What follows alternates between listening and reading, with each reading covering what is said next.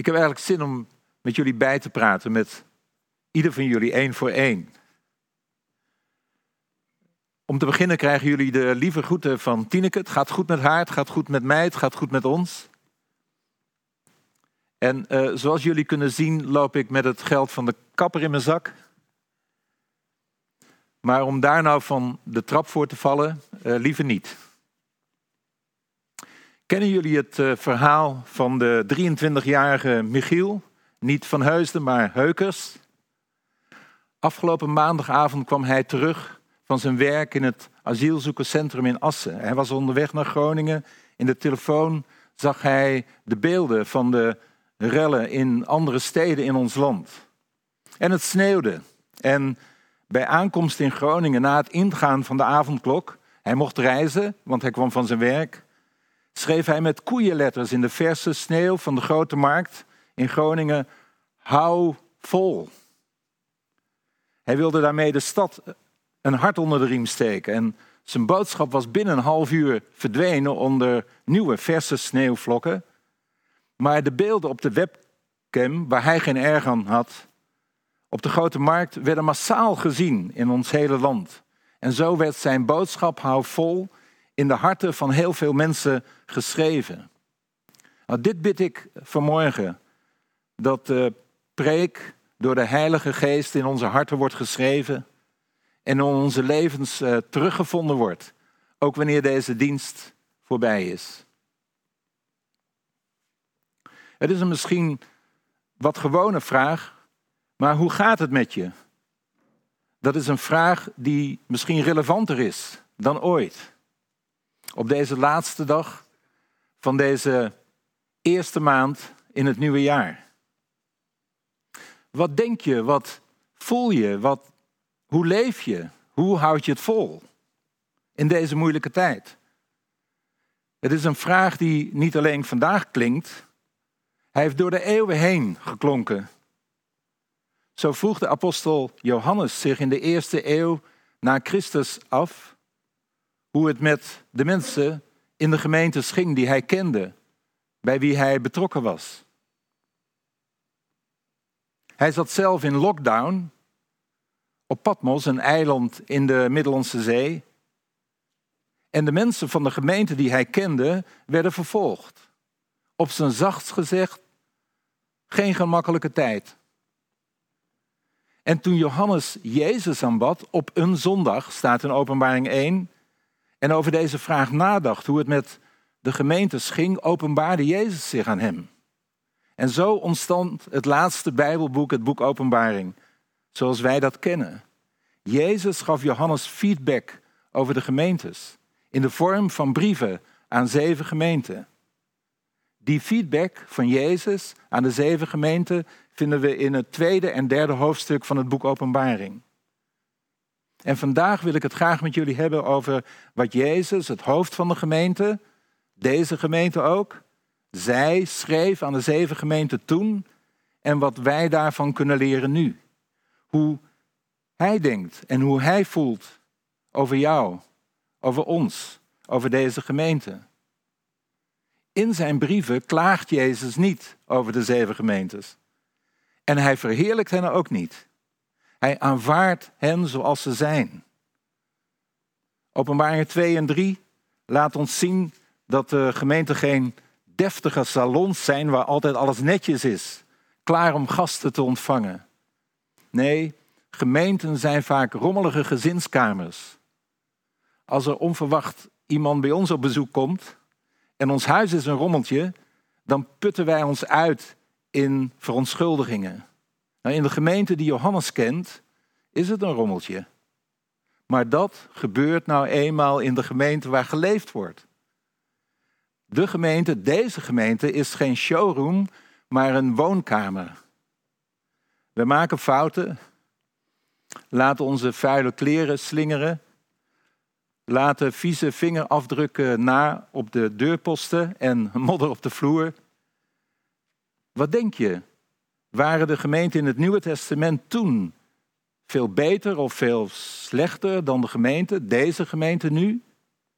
Het zou zomaar kunnen dat een willekeurige selectie van zeven gemeenten, in welke eeuw dan ook, heel erg lijkt op zeven gemeenten waar Johannes mee verbonden was.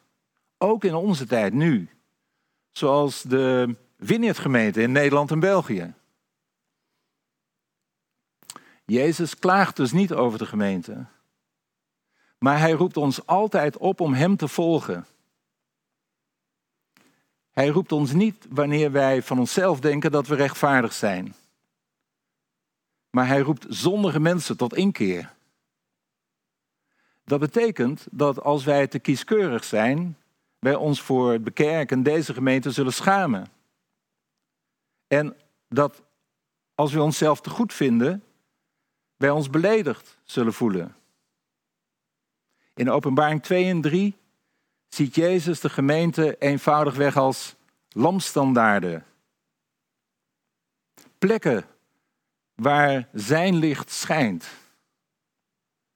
Lampstandaarden zijn zelf niet het licht. En vuile lampstandaarden doven het licht van Christus niet uit. Ook al is het natuurlijk beter dat de gemeente en ook deze gemeente we niet aangetast zijn door verwaarlozing of uh, te veel opgepoetst door ijdelheid. Het is beter dat de gemeente, deze gemeente, dat wij er simpelweg zijn. Dat wij het licht van Christus ontvangen en het licht van Christus delen met anderen, onopvallend en onbewust. Daar gaat het over in deze eerste hoofdstukken van het boek Openbaring. Openbaring is een fantastisch boeket, een multimedia spektakel van visioen en aanbidding, van oordeel en redding, van angst en overwinning. Het is een stormloop van kleur en geluid en beeld en energie en doet ons duizelen. Maar als wij de verwarring die we ervaren als we het boek Openbaring beginnen te lezen, doorstaan en doorgaan met lezen, beginnen we de ritmes op te pakken. Dan worden we deelnemers aan deze multidimensionale aanbidding. De eerste hoofdstukken van Openbaring zijn belangrijk om te lezen en ter harte te nemen. Omdat het brieven zijn van de opgestane en opgevaren Jezus aan de gemeente, waarin hij hen feedback geeft. Maar voordat we naar deze brieven gaan kijken, eerst nog dit. In zijn brieven aan de gemeente heeft Jezus het over de praktijken van de Nicolaïten en de leer van Biliam en van de profetes Izebel. Um, we weten dan niet meteen waar het over gaat, toch? Maar wanneer wij dit proberen te vertalen naar onze tijd, gaat het met name over zogenaamde vrijheid. De verleidingen voor de christenen aan het eind van de eerste eeuw na Christus waren niet anders dan voor ons nu. Eigenlijk zijn de verleidingen sinds de zondeval in het paradijs steeds hetzelfde geweest en zullen ze ook hetzelfde blijven. Tot Jezus terugkomt, ook voor ons, nu in deze tijd. Het gaat om alles wat afleidt van exclusieve aanbidding van Jezus. Aanbidding van Jezus betekent neervallen aan zijn voeten, zoals Johannes deed in Openbaring 1.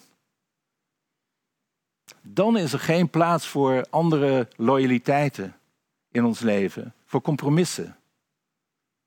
De sfeer van bedreigen en bedriegen, intimidatie in ons land, in de wereld, wordt steeds grimmiger. Vooral als het gaat om de zogenaamde vrijheid van meningsuiting, de glijdende schaal van moraliteit, van seksualiteit en huwelijk. En de integriteit van ons lichaam. Over vergaand ingrijpen aan het begin en aan het eind van het leven. Over zogenaamde vrijheid die niets anders is dan het offeren op het altaar van de heilige koe. Eh, ongebreideld consumeren. Dat ten koste gaat van de armen en de zwakken in onze samenleving. En ook van het klimaat. Nou, het is tijd om naar de brieven van Johannes aan de zeven gemeenten in openbaring 2 en 3 te gaan. En hoe zien die brieven eruit? Dit is eigenlijk onze Bijbellezing. Het zijn een paar woorden. Alle zeven brieven beginnen met schrijf aan de engel van de gemeente te.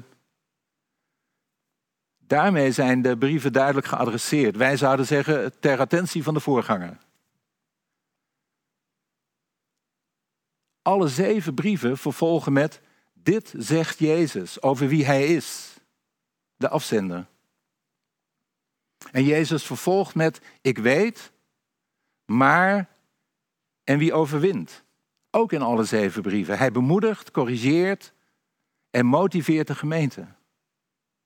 En Jezus zegt aan het slot van de brieven, wie oren heeft, moet horen wat de geest tegen de gemeente zegt. Ook in alle zeven brieven. Het thema van vandaag is, je overwint door feedback te ontvangen van Jezus. Wat voor ervaring heb jij met feedback? Sta je open voor feedback van Jezus? Hoe geeft Jezus feedback in Openbaringen 2 en 3? En wat kunnen wij daarvan leren? Eerst laat hij zien wie hij is. Voordat hij verdere feedback geeft. En dan bemoedigt hij ons, hij corrigeert ons en hij motiveert ons. En tenslotte roept hij ons op om te luisteren naar wat hij net heeft gezegd. Om te luisteren naar de Heilige Geest. Met onze beide oren. Jezus laat ons eerst zien wie hij is. Zijn feedback begint met eerst ons zicht op hem te vernieuwen. Zo dat wij beseffen wie ons feedback geeft. Zoals we zagen, zegt Jezus in alle zeven brieven, dit zegt Hij over zichzelf. De gemeente, deze plek, is vooral een plek om te zien wie Jezus is en telkens weer te zien wie Hij is. Ik wil je vragen te luisteren en je te laten raken door wat Jezus zegt en als je kunt, daar één uitspraak van te onthouden. Ik haal er drie van de zeven uitspraken uit de brieven uit. Dit zijn ze. Dit zegt hij die de zeven sterren, de voorgangers, in zijn rechterhand houdt. En tussen de zeven gouden lampenstandaarden de gemeenten verblijft. Dit zegt hij die de eerste is en de laatste, die dood was en nu leeft. Dit zegt hij die heilig en betrouwbaar is, die de sleutel van David heeft. Wanneer hij open doet, kan niemand sluiten. Wanneer hij sluit, kan niemand openen. Indrukwekkend, of niet soms? Wat raakt jou in wat Jezus zegt over zichzelf? Ik denk dat de enige passende reactie is dat we Hem aanbidden. Toch? Wanneer ik de Bijbel lees, bid ik vaak wat ik lees terug. Als wij dat nu doen met wat Jezus net over zichzelf heeft gezegd, klinkt dat zo. Aanbid met me mee.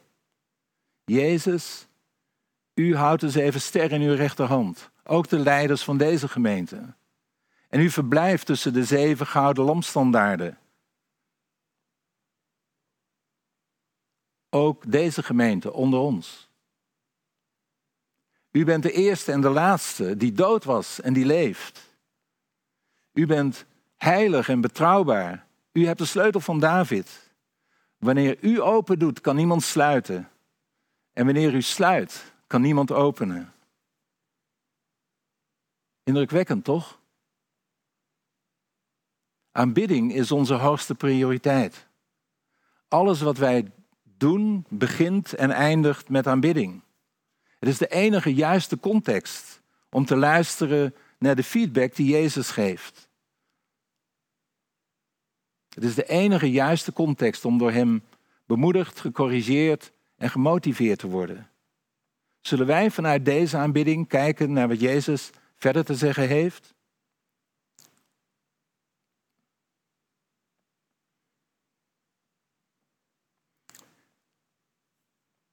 Jezus geeft ons feedback door ons te bemoedigen.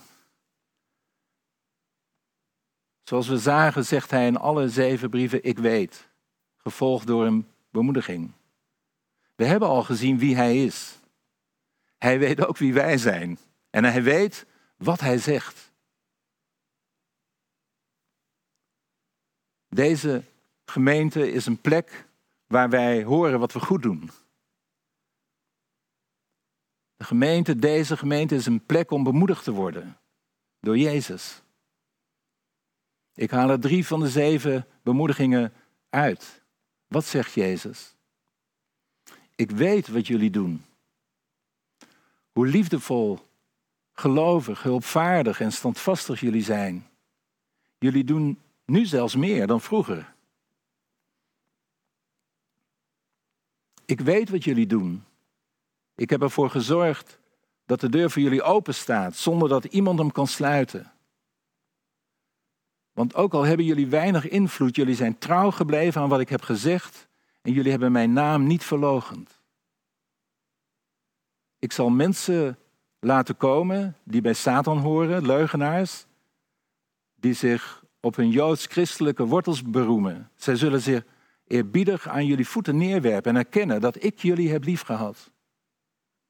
Omdat jullie trouw gebleven zijn aan mijn gebod om stand te houden, zal ik jullie ook trouw zijn wanneer binnenkort de tijd van de beproeving aanbreekt. Als heel de aarde en de mensen die er leven op de proef worden gesteld. Alsof het ook over de coronapandemie gaat hier. Ik kom spoedig. Houd vast aan wat jullie hebben. Dan zal niemand de lauwe krans van jullie kunnen afnemen. Ik sta voor de deur en ik klop aan. Als iemand mijn stem hoort en de deur opent, zal ik binnenkomen en we zullen samen eten. Ik met hem en hij met mij. Vind je dit ook niet indrukwekkend? Door welke bemoediging van Jezus ben jij geraakt? Bedank hem ervoor. Ontvang wat hij zegt. Laat het uh, tot je doordringen en in je hart terechtkomen. We hebben nu eerst gehoord wat Jezus over zichzelf zegt en we hebben hem van daaruit aanbeden. Daarna heeft Jezus ons bemoedigd en als het goed is hebben we hem ervoor bedankt. En nu gaan we horen hoe hij ons corrigeert. Oeps. Hij corrigeert ons. Zullen we dat maar overslaan en meteen doorgaan met luisteren naar zijn belofte, hoe hij ons motiveert? Of toch maar zijn correcties?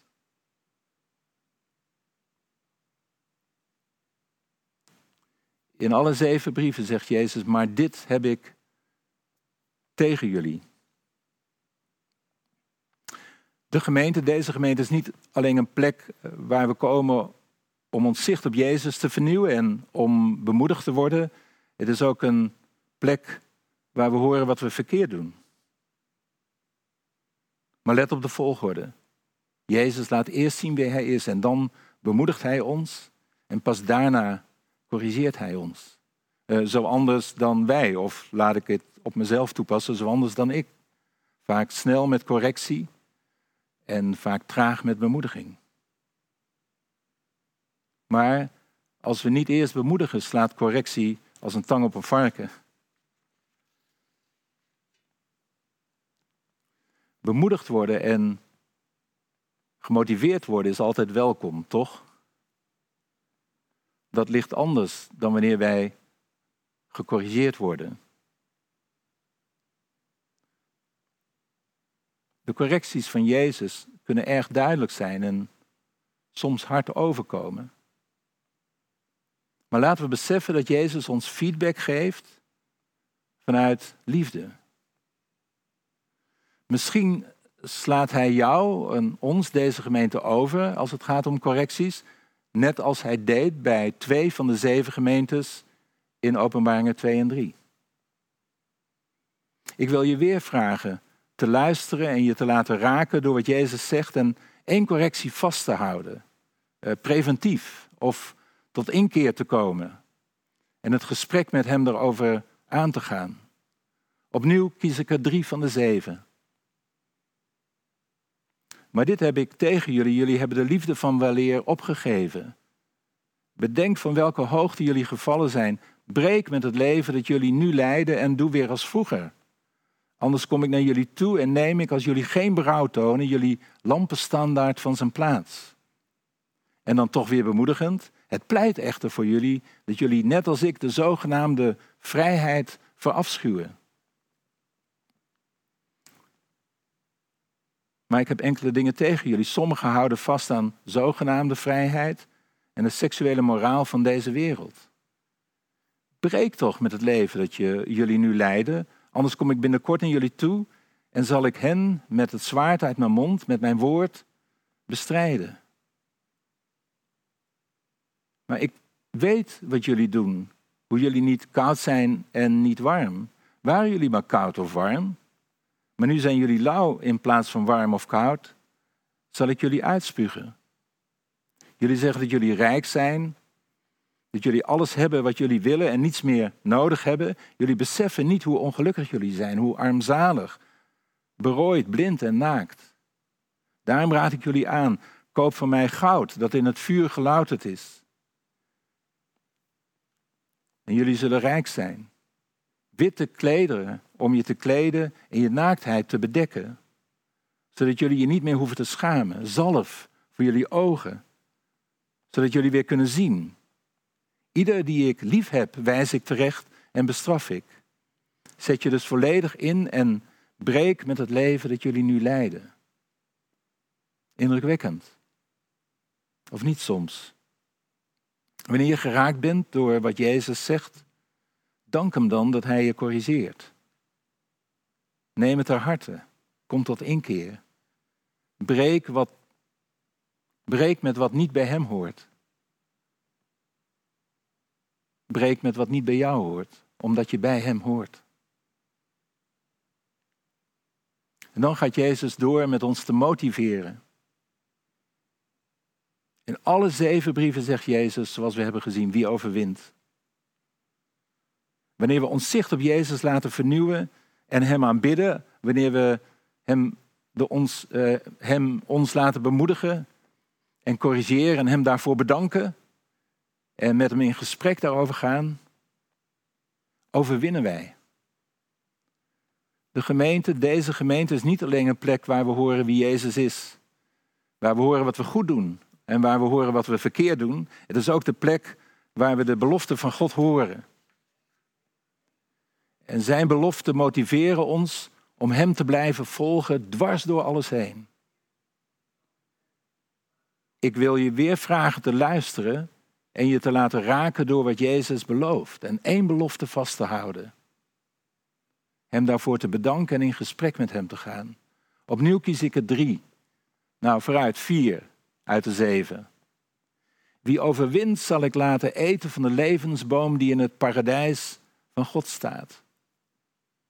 Wie overwint zal ik ook in het wit kleden. Ik zal je naam niet uit het boek van het leven schrappen, maar juist voor jou getuigen ten overstaan van mijn Vader en zijn engelen. Wie overwint maak ik tot een zuil in de tempel van mijn God. Daar zullen jullie voor altijd blijven staan. Ik zal op jullie de naam schrijven van mijn God en van de stad van mijn God. Het nieuwe Jeruzalem, dat bij mijn God vandaan uit de hemel komt, zal neerdalen. En ook mijn nieuwe naam. Wie overwint zal samen met mij op mijn troon zitten, net zoals ik zelf overwonnen heb en samen met mijn vader op zijn troon zit. Opnieuw indrukwekkend, of niet soms? Wat een belofte. Overwinnen is een van de hoofdthema's uit het boek Openbaring. Wij zullen overwinnen. En niet omdat wij onszelf tot overwinnaars uitroepen, heel heldhaftig, maar door Jezus en door wie Hij is en wat Hij belooft. Dank Hem voor zijn belofte en houd die vast. Ten slotte, alle zeven brieven besluit Jezus met wie oren heeft, moet horen wat de geest tegen de gemeente zegt. Wij hebben oren om te horen wat de geest tegen de gemeente zegt. Wij staan open voor de feedback van Jezus die hij ons net heeft gegeven. We kunnen naar deze preek luisteren en er wat van vinden. Dat doen we allemaal. En het allerbelangrijkste, ondanks mijn onvolmaaktheid en gebrekkige communicatie, blijft om ons af te vragen, Jezus, wat hebt u tegen mij willen zeggen? Ik vroeg je te luisteren en telkens één afspraak, uitspraak van Jezus proberen vast te houden over wie hij zegt wat hij is, eh, over een, een bemoediging, een, een correctie en een van zijn motivaties. Een belofte. En naar de Heilige Geest te blijven luisteren. Wat heeft Jezus vandaag tegen jou gezegd? Aanbid en bid van daaruit. Ga met hem in gesprek. De gespreksvragen voor vandaag vind je straks in de zwee. Laten we samenvatten. We hebben gezien dat we overwinnen door feedback van Jezus te ontvangen. En dat Hij dat doet door ons te laten zien wie Hij is, door ons te bemoedigen, door ons te corrigeren, ons te motiveren en ons op te roepen te blijven luisteren naar de Heilige Geest. Ik bid dat je geraakt bent door wat Jezus zegt, door wie Hij is. Ik bid dat deze boodschap teruggevonden wordt in onze harten en levens.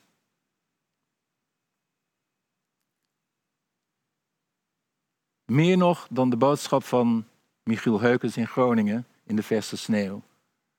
Hou vol. Zullen we bidden? Lieve Jezus, help ons te begrijpen wat het betekent U te volgen een deel van uw gemeente te zijn in deze moeilijke tijd.